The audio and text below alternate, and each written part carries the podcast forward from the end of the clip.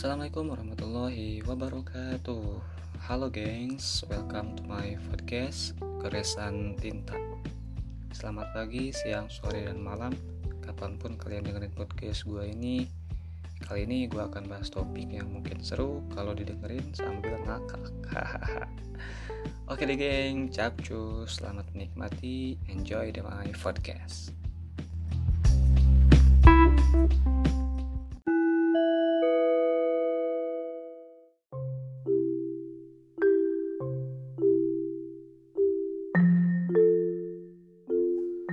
Oke gengs, kita lanjut ke episode selanjutnya. Setelah kemarin itu episode tentang menjadi individu yang dewasa. Udah diterapin belum nih? Ke 6 poinnya? Oke, sekarang gue lanjut ke episode selanjutnya. Aturlah emosi. Kalian pernah dong ya Ada di posisi yang di mana posisi itu kalian dipancing emosinya. Ada yang mancingnya itu gak sengaja atau malah disengaja. Nah gue pernah tuh ada di posisi itu. Paling sebel sih kalau misalkan ada orang yang mancing-mancing emosi gitu mereka kira gue ikan kali ya dipancing-pancing. Hahaha. Karena saya tahu saya kan ikan. Ah iya bener ikan.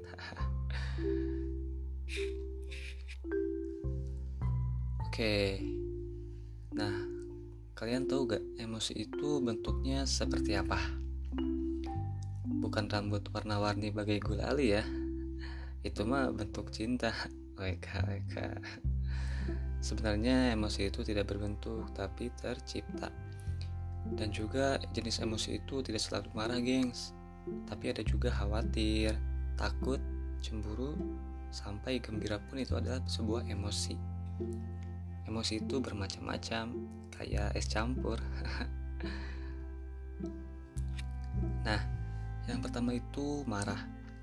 Marah adalah suatu kondisi di mana diri kita itu jika melakukan hal yang kita tuju atau menghendaki suatu keinginan yang tidak tercapai, akhirnya bisa membuat emosi. Dan emosi itu bisa berbentuk suatu kemarahan. Biasanya orang yang sedang marah itu tidak dapat mengontrol dirinya dengan baik. Untuk bisa mengontrol emosi itu, kita harus punya rasa sabar dan kita harus sadar jika sesuatu itu belum kita miliki. Berarti itu bukan rezeki kita, melainkan rezeki orang lain. Tetapi harus diingat, rezeki tiap orang itu berbeda, dan Allah pasti memberikan rezeki kepada hambanya itu yang terbaik. Oke, gengs. Nah, yang kedua itu khawatir. Khawatir sendiri muncul apabila kita merasa tidak nyaman atau ada perasaan tidak enak dalam diri dalam diri atau hati ya akan sesuatu hal.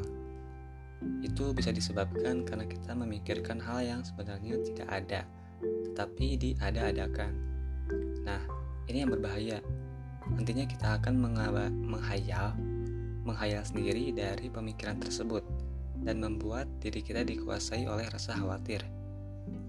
Untuk mengatasinya sih, kita bisa dengan uh, jangan berpikiran negatif atau jangan sering melamun, gengs. Nah, yang ketiga itu adalah rasa, rasa takut. Takut ini bisa terjadi oleh beberapa faktor. Bisa takut dengan objek, benda, atau orang sekalipun. Atau bahkan rasa takut akan suatu hal yang tidak terlihat atau goib. Nah, biasanya orang yang mengalami rasa takut ini cenderung menghindar atau lari dari objek yang ditakutinya. Wajar memang, karena stimulus kita merespon dengan cepat. Untuk mengatasinya sendiri, kita bisa mencoba untuk tidak berdekatan atau mendekati dengan objek yang kita takuti. Dan atau mencoba berani menghadapi uh, ketakutan itu, gengs. Nah, yang keempat adalah rasa cemburu. Cemburu ini muncul apabila kita tidak bisa melakukan hal yang orang lain lakukan. Contohnya, ketika kita melihat orang lain membeli barang mahal yang tidak kita bisa membelinya. Nah, jatuhnya nanti kita itu merasa iri atau cemburu kan? sayang seribu sayang kalau kita cemburu akan hal dunia. Karena sejatinya dunia adalah fana atau tipuan. Tips nih, kalau kita merasa cemburu seperti itu, kita bisa bersolawat kepada Nabi. Ketika kita merasa cemburu dengan orang mem yang membeli suatu barang yang kita tidak bisa memilikinya karena mahal. Karena ketika kita bersolawat, nih perlu diingat bahwa solawat kepada Nabi itu lebih mahal dibandingkan barang apa pun, gengs. Jadi, yuk kita perbanyak sholawat. Nah, yang terakhir itu adalah gembira atau bahagia.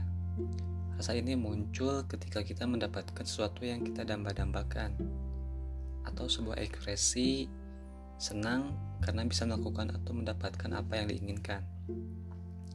Sebetulnya wajar sekali bila kita merasa senang atau bahagia. Namun, jika merasa senang dan bahagianya itu berlebihan, itu yang tidak boleh. Nanti ujung-ujungnya malah ujub atau sombong. Nah, ini yang perlu kita hindari, gengs. Cukup merasakan kebahagiaannya itu dengan mengucap alhamdulillah ketika mendapatkan sesuatu yang kita inginkan.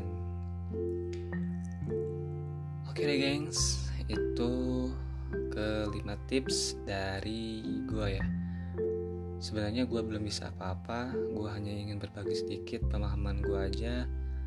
Kalau ada yang salah dan kurang koreksi aja. Uh, yang intinya kita saling mengingatkan. Mudah-mudahan bisa bermanfaat bagi diri gue dan teman-teman semuanya ya